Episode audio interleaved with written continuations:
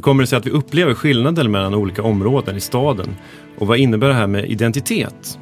Vad associerar vi med olika platser och hur kan bilden av ett område förändras över tid? I det här avsnittet tittar vi på Mälaräng, ett nytt område mellan Bredäng och Mälarhöjden. Välkomna till Stockholm växer, en podd om stadens utveckling de närmaste åren. Jag heter Fritte Fritzson och med mig i avsnitt 3 har jag Sara Heppling Trygg som är avdelningschef på Skärholmens stadsdelsförvaltning och som jobbar med projektet Fokus Skärholmen och Paul Alarcon som är hållbarhetschef på Stockholms stad och ansvarig för Kommissionen för ett socialt hållbart Stockholm. Välkomna hit! Tack så mycket. Tack. Och eh, vänder mig till dig Paul. Eh, det finns en rapport som du har varit med och författat som heter Skillnadernas Stockholm. Och där står det bland annat att läsa följande att social hållbarhet handlar om fördelningen av livsvillkor som bidrar till välbefinnande och den sammanvävda graden av välbefinnande i samhället. Men vad betyder egentligen det här? Ja, det lät ju lite styltigt kanske man kan säga. Eh, men i grunden så handlar det om att eh, möjligheterna till ett lyckligt liv, ett liv eh, med hälsa, bestäms och påverkas av de grundläggande livsvillkoren under vilka vi växer upp. Och det där med den sammanvägda graden, det handlar om att vi kan ju faktiskt minska skillnaderna i en stad genom att försämra för de som har det bäst. Eh, och det, det vill vi ju inte göra. Vi vill ju snarare så att säga minska skillnaderna genom att alla ska få det bättre. Eh, så en stad där skillnaderna minskar eh, men där samtidigt alla får det bättre, det blir en mer jämlik eh, stad. Mm. Sara, hur ser det egentligen ut i Stockholm? Är det stora sociala skillnader mellan olika stadsdelar? Ja, det är det och det visar ju inte minst den här rapporten på ett väldigt konkret sätt. Eh, det är också stora skillnader inom stadsdelar skulle jag säga. Eh, men det är också så att man behöver nyansera bilden. Eh, därför att om vi zoomar ut i statistiken så ger det en bild medan om vi zoomar in så förstår vi mycket, mycket mer. Och det är jätteviktigt att göra det för att kunna jobba med de här frågorna. Mm. Vad menar du med att zooma in då? Jo, jag menar att till exempel om man tittar på Eh, statistiken mellan, i inkomstskillnader mellan Bredäng och Mälarhöjden, som ju är de platser som vi ska prata om idag, så ser man att det är ett jättehopp mellan Bredäng och Mälarhöjden. Och det kan ge oss en bild av att vi pratar om två olika grupper egentligen. Men när vi går ner och tittar närmare så ser vi att inkomstskillnader finns i båda områdena. Sen är de olika stora i vissa grupper. Men eh, det ger oss liksom en bättre bild av vilka, vart finns de här grupperna som vi faktiskt behöver jobba med? Är det hela Bredäng? Är det i vissa områden? Och vilka skillnader är det som är viktigast att titta på? Mm, men gör man sig själv en otjänst om man,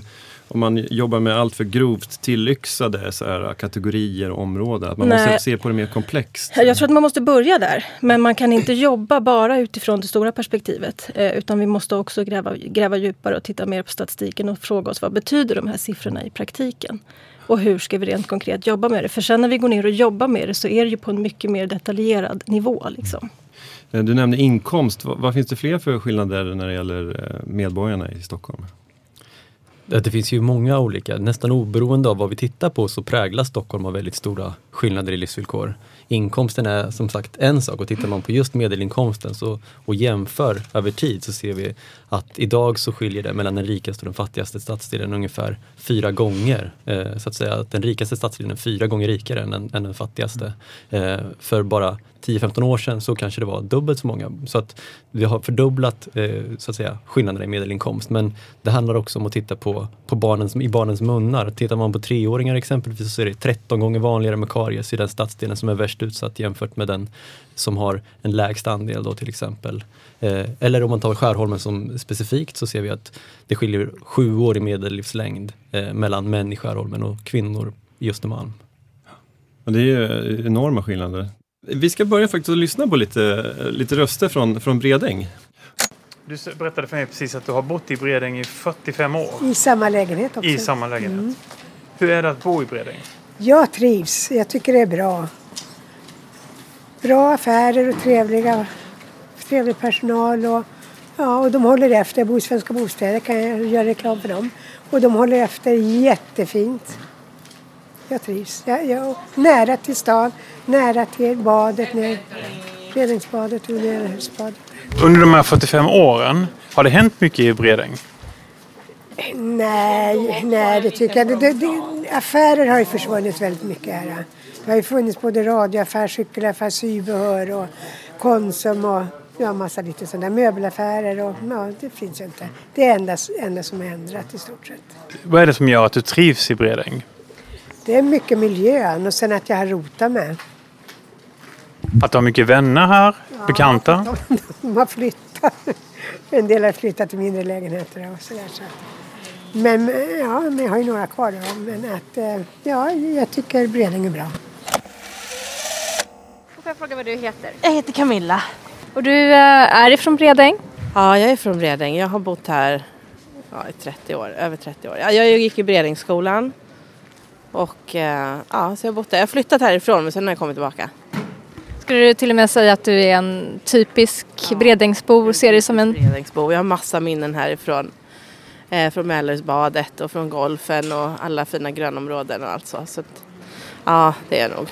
Nu bygger man ju ihop Bredäng med Mälarhöjden. Hur ser du på det med fler Jag skolor? tror att det är jättebra faktiskt. För att eh, alltså staden, alltså Stockholm växer ju.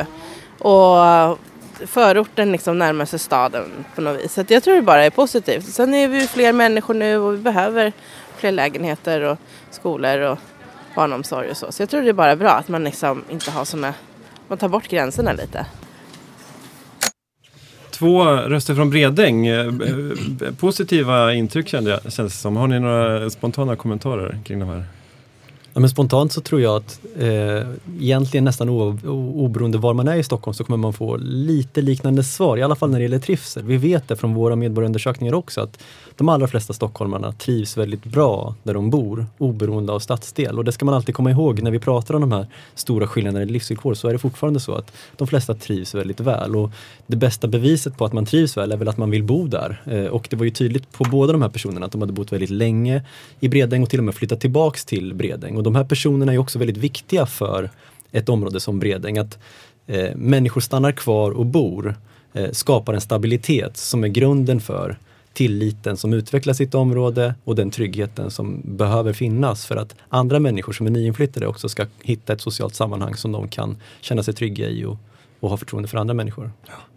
Eh, den första eh, personen nämnde det där med service, att de tyckte att det var blivit lite sämre de senaste åren. Eh, men det är, ju- det är ju privata initiativ och ni som jobbar för Stockholms stad, ni kanske har svårt att hantera de frågorna eller har ni, har ni några tankar kring men det? jag tänker att det är det som kommer med den, stor, med den stadsutveckling som sker nu. Och med, särskilt om jag pratar om Skärholmen där vi har sett de här tendenserna i flera av våra små centrum.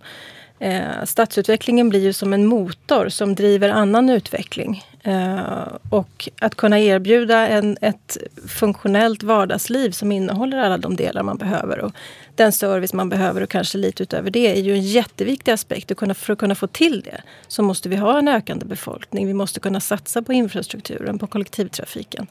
Så det kommer ju liksom med den här stadsutvecklingen som sker. Det är ju världens chans. Ehm, de, de var inne på, på det här nya området Mälaräng och jag tänkte då kan vi också gå in på det. Vad, berätta kort då om, om eh, det här nya förslaget. Vad, vad, vad innebär Mälaräng för någonting? Ja, Mälaräng är eh, en plats, det är en, en trafikplats idag. Bredängsmotet tror jag att det heter. Eh, en ganska stor trafikplats där man svänger av från E4 upp mot Bredäng och Mälarhöjden. Och här planerar man för, nu ska vi se om jag kommer ihåg hur många bostäder det är. Jag tror att det är 2500 ungefär. Så det är en stor infrastrukturförändring för att kunna få till bostäderna. Men det är också en, på, en början att utveckla Skärholmsvägen som ju är en överstor trafikled som ligger längs med E4 eh, och har parallella körfält in i ett bostadsområde. Så där finns det också en, en väldig potential och det gör det i hela Skärholmen att utveckla på redan hårdgjord yta. Det vill säga vi behöver i ganska liten utsträckning gå in i parkmark.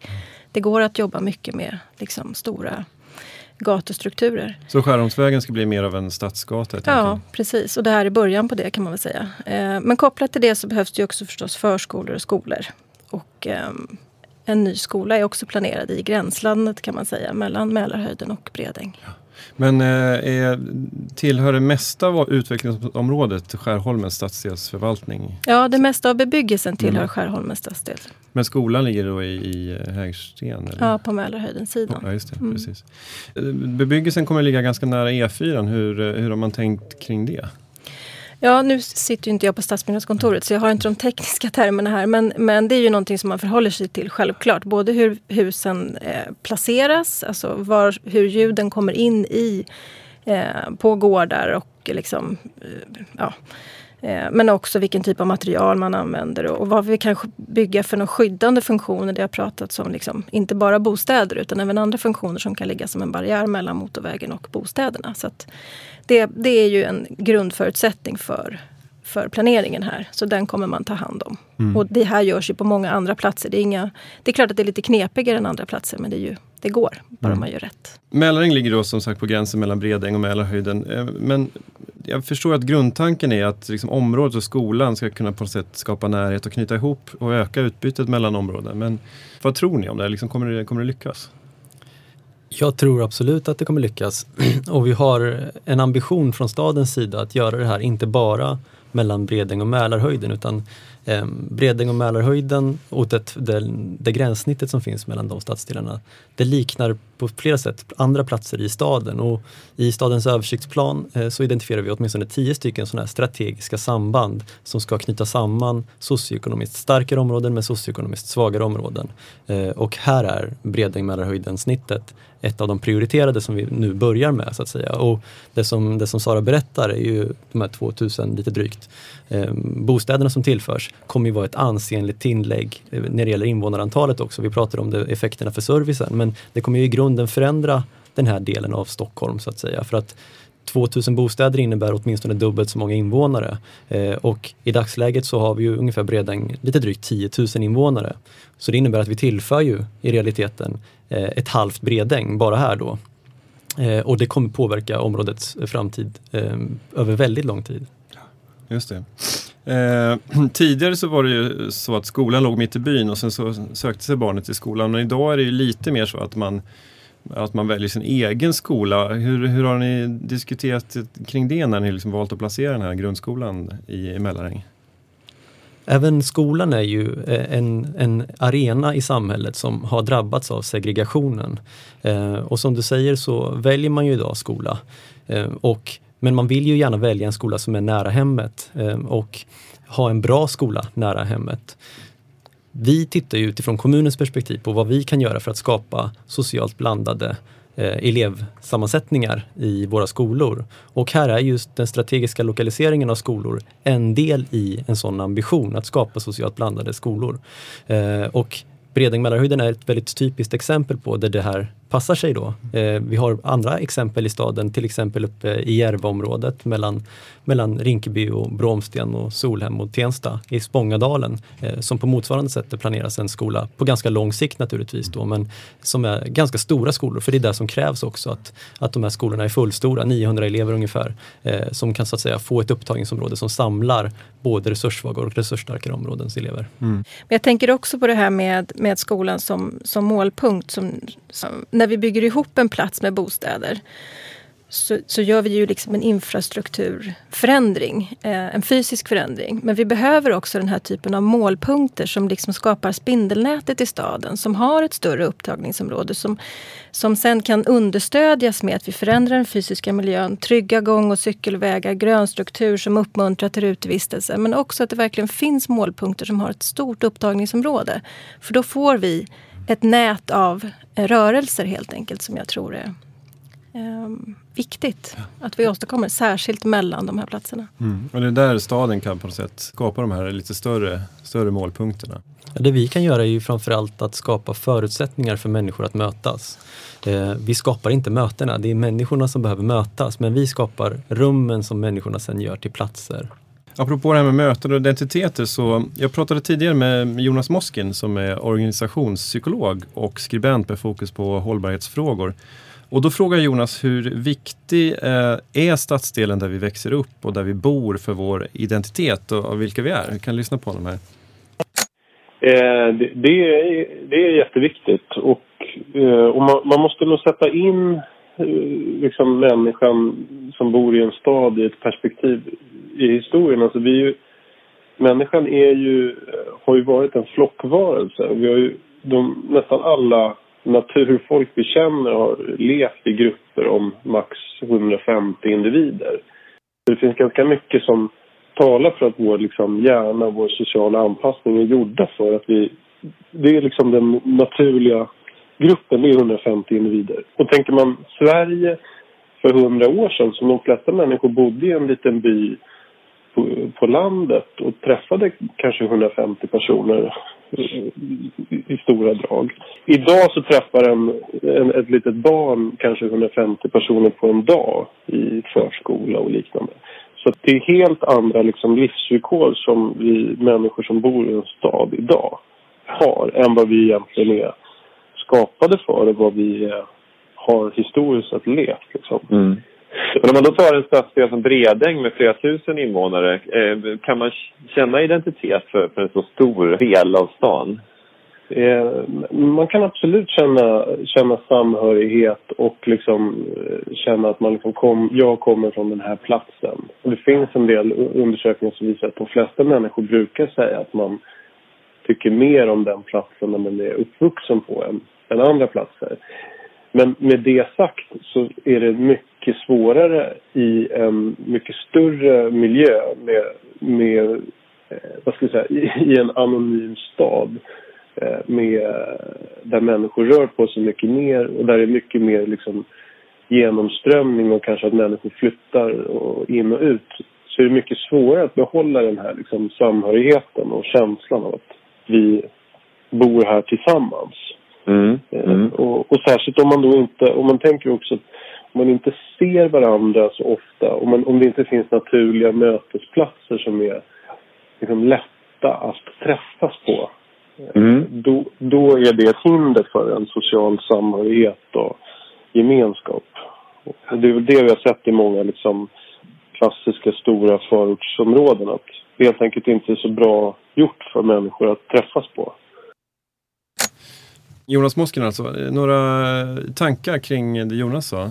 Jag tror att man kan tänka på det här på två olika sätt. För det han var inne på var ju att det finns en naturlig enhet i det att en människa kan ha 150 relationer. Eh, och jag tror att vi måste på något sätt bottna i vad en lokal identitet är.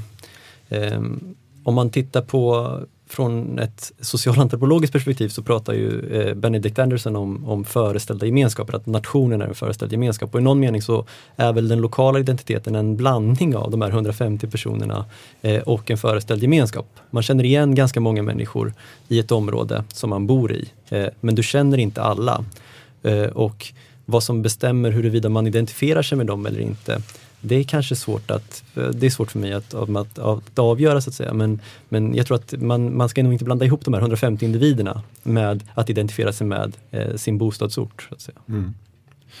Sara, har du några Nej, men jag tänker på också vikten av, av bilden av platser. Alltså, om vi växer upp i ett område, när vi tar oss därifrån, vad möter vi för fördomar eller föreställningar hos andra människor om den platsen vi kommer ifrån? Och hur kan det liksom stärka oss i vår identitet kring en plats eller snarare motverka en stolthet till exempel att komma från en plats.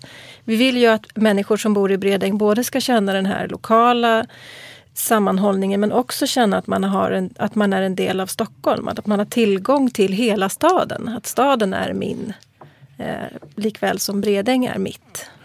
Mm. Eh, och där tycker jag att jag hör ibland att det finns en, en upplevelse av att, och det vet vi ju också, bilden av bilden av Bredäng eller bilden av Skärholmen inte, är, beskrivs inte på samma sätt så som vi hörde de som nu berättade eh, om sina liv där. Nej. Hur det är att bo där. Vi hade ju ett avsnitt om Östberga som var förra avsnittet av den här podden och då pratade vi om den här mediala bilden, att den inte över, överensstämmer med liksom, upplevelsen från de som bor i området. Men, men äh, finns det några sätt att motverka sådana onyanserade negativa bilder av en plats? Då?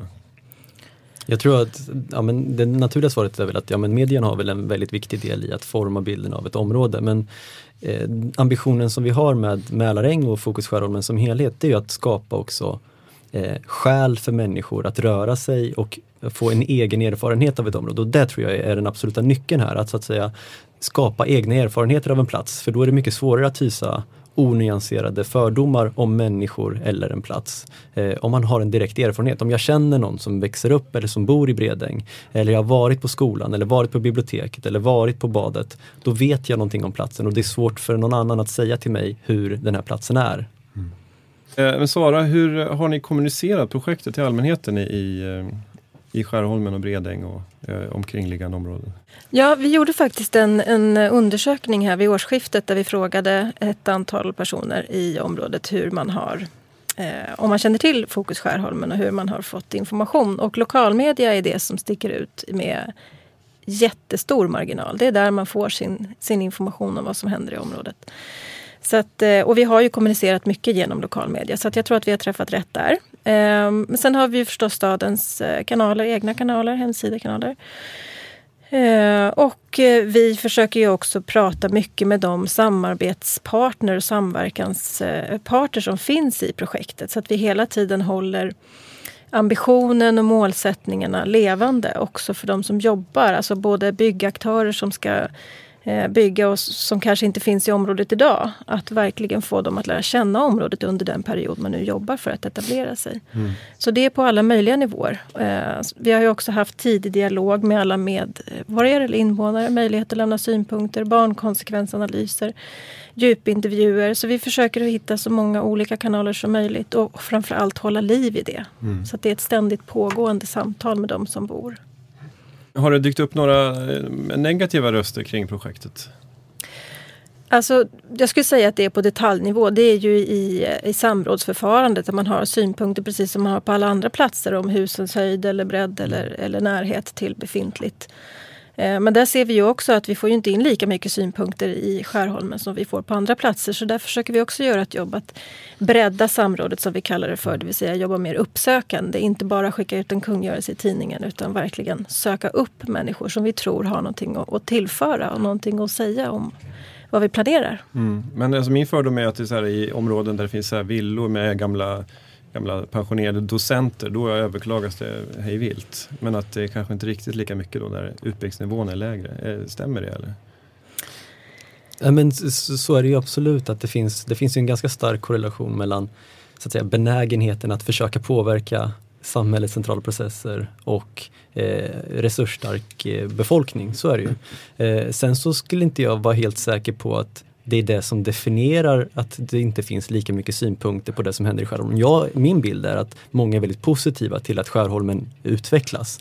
Eh, så att det kan ju lika gärna vara en förklaring till att vi inte har så mycket synpunkter. Att man är positiv helt enkelt till de här förändringarna. Precis som de här personerna i det tidigare inslaget eh, sa. Man var ju positiv. Man ville att det ska få fler grannar helt enkelt. Mm. För att det påverkar serviceutbudet, det påverkar staden och det skapas en dynamik i stadsdelen som utvecklas. Det ser vi verkligen i den tidiga dialogen. Mm. Att det är, det är det som folk främst säger. Bygg mycket, bygg mer, välkomna. Jag tänkte att vi skulle lyssna på en, en till röst. Den här gången från, eh, från Mälarhöjden. Hur är det att bo i Mälarhöjden? Ja, det är, det är bra. Det är fantastiskt bra. Jättefint område. Hur länge har du bott här? Uh, I fem år. Vad är det som är så bra med Mälarhöjden? Ja, det är lugnt eh, område. Ja, det är, jag trivs bra här. Bara det är lugnt det betyder mycket. Hur är det med service och allt sånt där? Ja, det är en bra fråga. Grejen är vi har bara en litet Coop. Eh, så det blir svårt när man handlar. Eh, inte mycket finns i den här affären. Så... Eh, Var ligger närmsta lite större affär? Antingen Liljeholmen eller Skärholmen. Mm. Och vad väljer du när du går och handlar, lite storhandlar om man säger? Ja, Liljeholmen är ju på min väg mm. när jag kommer från jobbet. Eh, ibland tänker jag, ja, handlar jag från Bredäng också? Ja, där finns eh, stora affärer och man kan hitta många saker. Ja. Tankar? Kommentarer? Ja, det första jag tänker är att de, de eh, att, ja, att hon nämner Bredäng som en plats att handla på. Att det är också viktigt att vi pratar om Mälarhöjden. Mm. Om Mälarhöjdens utveckling och utbudet i Mälarhöjden. Mm. Um, vad finns det där och vad, vad, är det som gör att vi inte pratar om det som en plats som också behöver utvecklas i på samma sätt? Eller det är klart att det finns anledningar till det, skillnaden i Stockholm. Men, men um, Ja, vikten av, när man knyter ihop ett område, eller två områden, så är det verkligen två områden som ska påverkas. Mm. Vi pratar ju om det som att det är liksom, Mälaräng ligger i gränszonen då mellan, mellan Bredäng och, och Mälarhöjden men även kanske lite viss mån Västertorp kommer in med, med ett hörn där. Men, men tror jag att ett sånt här område kan få liksom en, en, um, en impact eller en betydelse liksom, liksom ett större sammanhang om vi liksom zoomar ut liksom lite över hela södra Stockholm? Alla tillägg vi gör när det gäller bostadsbebyggelse påverkar ju läget för alla andra delar så att säga. Så att när vi tillför bostäder, nu här som vi sagt var det ju omkring 2000 bostäder eh, i hela Fokus Skärholmen omkring 6400 om jag inte minns helt fel ja, i dagsläget. Ja. Eh, kan bli mer naturligtvis. Eh, det kommer såklart att påverka läget för Skärholmen men det, det, påverkar i sin tur då läget för de kringliggande stadsdelarna. Så vad som händer där kommer ju också påverkas. Det är ju så att säga ett, ett pussel av tyngdpunkter mm. eh, som, som påverkar varandra. Mm. Eh, hur tänker man med, med infrastrukturen? För det kan ju också koppla ihop och även då eh, skilja åt. Vad blir det för typ av för, eh, vad, vad blir för infrastruktur och kollektivtrafik till exempel?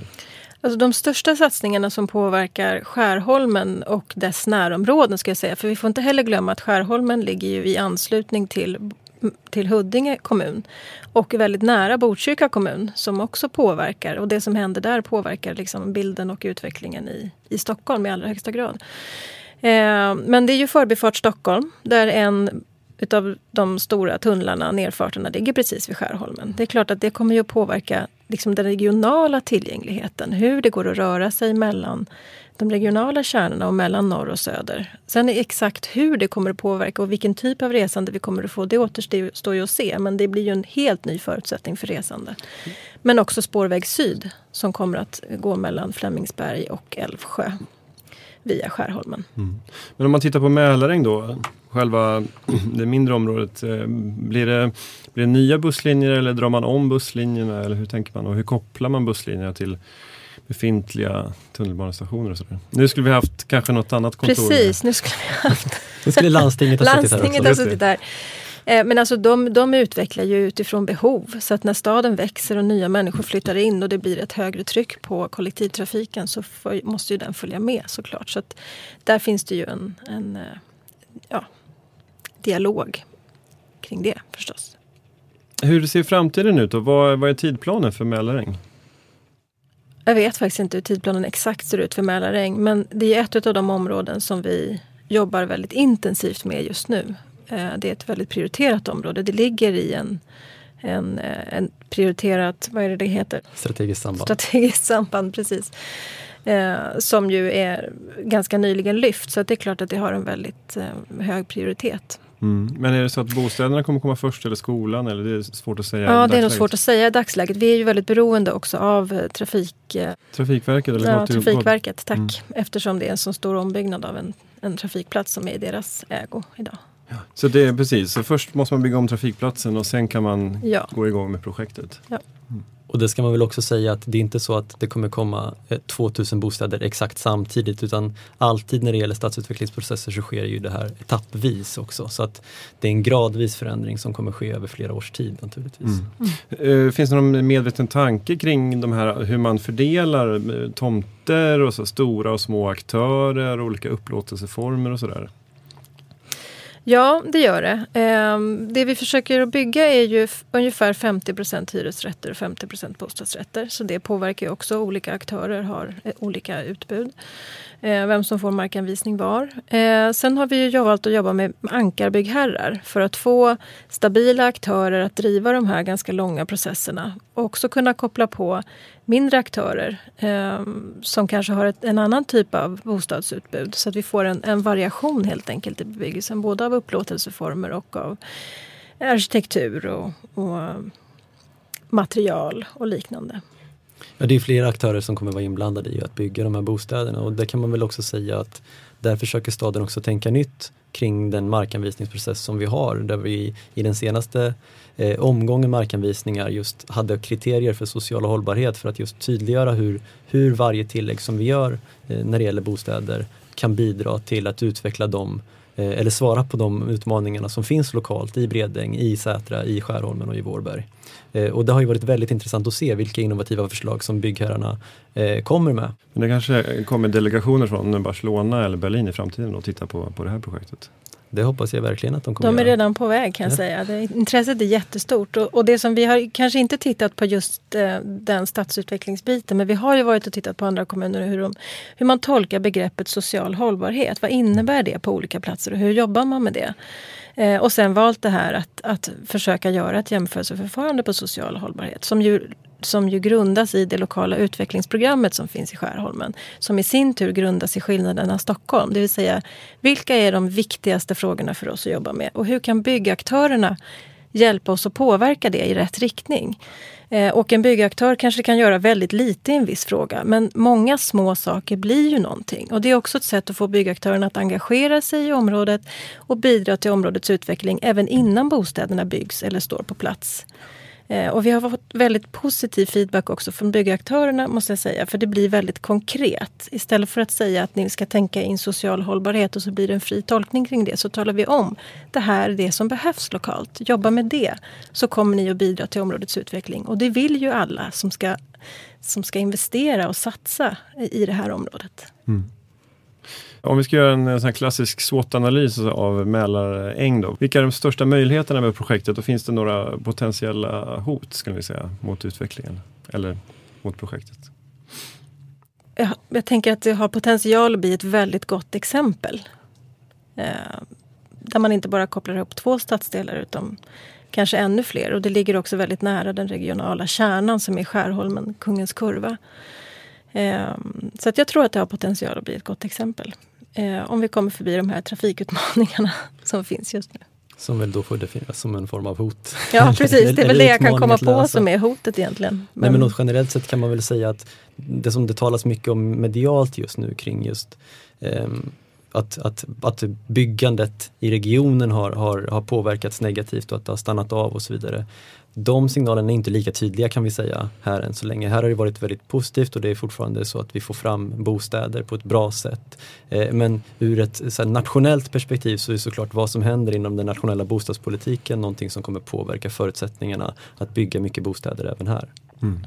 Innan vi rundar av det här samtalet, då, eh, är det några aspekter som ni tycker att vi har glömt med Mälarängsprojektet eller något annat som ni skulle vilja berätta utifrån era egna mm, håll eller tankar? Jag tänker att något som vi gör i Skärholmen är ju att inte bara satsa på de... Det finns ju liksom stadsutvecklingsområden i Skärholmen varav Mälaräng är ett, Vårbergsvägen är ett, Skärholmsdalen är ett och sen finns det ett antal mer utspridda projekt. Men staden går verkligen in och satsar också på andra projekt som inte bara är bostadsprojekt. Alltså Vårbergs IP byggs om, det byggs en ny stadspark på Vårbergstoppen. Eh, det anläggs en konstgräsplan vid Bredängs bollplan, det vill säga vi tillför, staden investerar verkligen eh, från alla förvaltningar och, och bolag också. Eh, Och det gör ju att det får en helt annan skruv.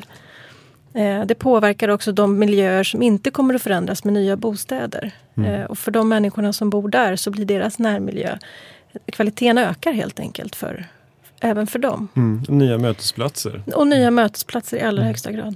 Det vi inte har pratat så mycket om är ju varför vi ska knyta ihop de här områdena kanske. Vad är liksom, vi har pratat, varit lite inne på det här med fördomar och så vidare men det finns såklart fler vinster med att koppla samman två stadsdelar som har väldigt olika förutsättningar. För även om det är precis så som, som Sara berättade att eh, de här generella statistiken ger en ganska trubbig bild av hur ett område ser ut så är det fortfarande ett problem att Stockholm är så uppdelat, att Sto- Stockholm är en segregerad stad. Eh, Och vinsterna med att minska segregationen är stora både för de som så att säga bor i resurssvagare områden och de som bor i resursstarkare områden. Dels i skolan naturligtvis men att skapa en mer socialt sammanhållen stad kommer att gynna alla. Den blir tryggare för alla och framförallt så när vi tillför mycket bostäder så skapar vi förutsättningar för att skapa ett bättre vardagsliv som du var inne på också med ökat serviceutbud för alla. Även de som bor i Mälarhöjden har ju verkligen mycket att, att eh, tjäna på att lära känna människor från andra områden. Det tror jag får avsluta det här avsnittet faktiskt.